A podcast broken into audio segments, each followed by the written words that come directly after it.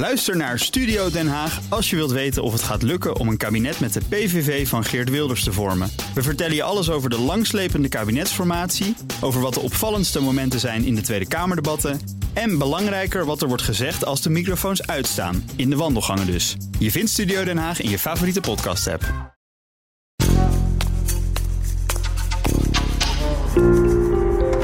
De hoogovens van Tata Steel, de verkeerstoren van een vliegveld of een schietterrein van Defensie. Plekken waar een gewone sterveling nooit komt of zelfs niet wil komen. Deze zomer bezoeken Jigal, Roger en ik, Martijn, in de serie Verboden Toegang plekken waarvan de deuren normaal gesproken voor iedereen gesloten blijven. Maar nu dus heel even open gaan. Een eenheid van de Koninklijke Landmacht is bezig met een, eh, een schietoefening. Dat betekent dat soldaten dus opgeleid worden om, uh, om ja, op de juiste manier een wapen te hanteren en natuurlijk uh, doelen te raken. In dit geval schieten ze nog op korte afstand. Ze zijn waarschijnlijk hun wapens aan het corrigeren, aan het inschieten.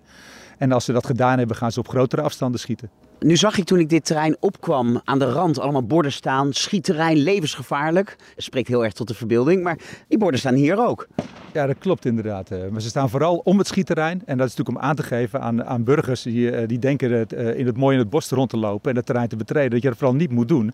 Want er zijn gewoon op ieder moment van de dag, gedurende schiettijden, zijn hier uh, oefeningen bezig. En die kogels die vliegen overal door de lucht heen. Ja, toch was hier niet zo lang geleden een rave party. Ja, dat klopt inderdaad. En toevallig had ik zelf ook dienst uh, vorige week. Ik, ik dacht dat u ging zeggen, toevallig was ik daar ook aan het dansen. ja, precies. Ja, dat zou je kunnen zeggen. Maar dat was niet zo. Ik ben om kwart over twee s'nachts uit mijn bed gebeld. En smiddags om half drie was ik weer thuis. Dus ik heb daar twaalf uh, uur aanwezig mogen zijn. En het heeft lang geduurd voordat de driehoek een besluit genomen heeft. En daarna de ME de zaak ontruimd heeft. Het was voor mij ontzettend lastig om hier binnen te komen. Maar voor al die mensen was het dus relatief makkelijk. Ja, de kamp is zo groot en we zijn natuurlijk een onderdeel van de, van de Veluwe. Hè. Dat zie je ook om je heen. Uh, bossen, heiden, noem maar op allemaal. En als je hier een hek omheen zou plaatsen, dan zouden we, ja, het wild wat hierin zit, dan zouden we in een hertenkamp zijn. En uh, dat willen we niet. We willen gewoon een integraal onderdeel zijn van de Veluwe. Daarom zit er alleen een draadhindernis omheen en borden verboden toegang. Nu dachten die mensen misschien, ja, hier wordt veel geluid geproduceerd. Dan kan zo'n rave party er ook nog wel bij. Ja, ik weet niet wat ze gedacht hebben. Ze zochten een mooie locatie en die vonden zij dat ze die gevonden hadden. Ik vond het vooral wel heel lastig. En er wordt ook aangifte gedaan tegen de, de organisatie in ieder geval. dit schietterrein is omgeven door dorpen, Epen, het Harde ligt hier in de buurt. Hebben ze daar geen last van de oefeningen die hier plaatsvinden? Dat, waarschijnlijk wel. We, we produceren uh, zoveel geluid. En het is niet dat de kleinkaliber die je nu hoort, die, ont, die, die, komt bijna niet buiten de grenzen van het ASK. Maar als we hier groot kaliber, als we mortieren schieten of artillerie, panzerwietsen schieten, dan zijn dat geluiden die buiten het ASK komen. En daar kunnen mensen hinder van ondervinden. We hadden het net over het wild. Ja. Heeft dat geen last van het schieten? Vindt u soms een reetje dat uh, bij toeval is aangeschoten? Nee, dat vinden we eigenlijk nooit. En dat komt ook omdat uh, als de baanorganisatie ziet een wild lopen, dan stoppen ze met schieten. Want we zijn hier niet om wild aan te schieten. En uh, wij schieten hier al 150 jaar. En dat wild is zo gewend aan onze activiteit hier dat ze er eigenlijk geen last van hebben. Het wild is hier ook uh, veel aanwezig. Mag ik u heel even storen? Jazeker. Dit is een flinke tank waar u mee bezig bent.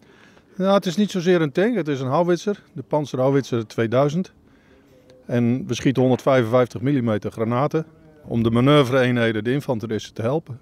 En wat bent u nu aan het doen? Uh, we krijgen binnenkort nieuwe voortdrijvende ladingen. Dat is kruid waardoor de granaat verschoten wordt. En dat moeten we binnenkort gaan testen. En dat gaan we doen met drukmetingen uh, om het zo stabiel mogelijk uh, te houden. En dan schiet u in de richting van Zwolle? De loop staat nu iets omhoog, maar we schieten straks in die bunker die u ziet. Die is 10 meter diep, daar zit zand in. Zodat de granaat opgevangen wordt en mensen in Zwolle niet bang hoeven te zijn. Oké, okay, maar die granaat is dan zo zwak dat die bunker er niet aan gaat? Dat is een hele goede vraag van u. Omdat we aan het testen zijn, schieten we met inerte granaatlichamen. Die hebben wel de vorm, maar er zit geen explosief in. Terug naar Major Erik. Dit gaat wel allemaal op zijn dode akkertje. Dat is toch niet echt representatief voor een oorlogssituatie? Nee, dat is het zeker niet. En Major Baas is hier ook met iets heel anders bezig. Die is echt bezig met het testen. En dat kost gewoon tijd om het allemaal goed voor te bereiden. Maar die tijd heb je in de oorlog niet? Nee, dat klopt. Die heb je inderdaad niet. En daardoor gaat het ook heel anders. Dan staan ze echt verstopt in de bosrand. Ze krijgen op een gegeven moment een vuuropdracht. En als ze die binnen hebben, rijden ze vanuit hun uh, uh, verstopte locatie, hun hide, naar een afvuurlocatie. En dan binnen een minuut gaan de eerste schoten eruit. En dat zijn dan echte live rounds. En die, uh, die gaan vliegen een heel eind door de lucht. van een kilometer of 5 tot 50 kilometer maximaal. En als die neerkomen, dan, uh, dan, dan ontploffen ze ook echt. En dat doen we met live rounds, omdat die jongens en meisjes die op die vuurmonden werken, die moeten er gewoon ervaren en voelen hoe het is om dat echt te doen. Alleen die bommen en granaten die zijn bedacht om heel veel verwoesting aan te richten. We staan hier in een heel bosrijk gebied. Daarvoor hebben we ook een heel brandweerkorps. Ik heb 40 man brandweer. En die zijn speciaal ingericht om bos- en heidebranden te bestrijden. En gebeurt dat vaak? Met enige regelmaat hebben we hier brand inderdaad. Dus, uh, kort geleden hebben we nog een stuk gehad van bijna een kilometer bij 600 meter. Dat was een forse brand. Waren de jongens tot 10 uur s'avonds bezig om dat uh, uit te krijgen. Ook Harm Edens vind je in de BNR-app. Je kunt BNR Duurzaam niet alleen live luisteren in de app, maar ook terugluisteren als podcast, zoals al onze podcasts. En naast dat de BNR-app Breaking News meldt, houden we je ook op de hoogte van het laatste zakelijke nieuws. Download nu de gratis BNR-app en blijf scherp.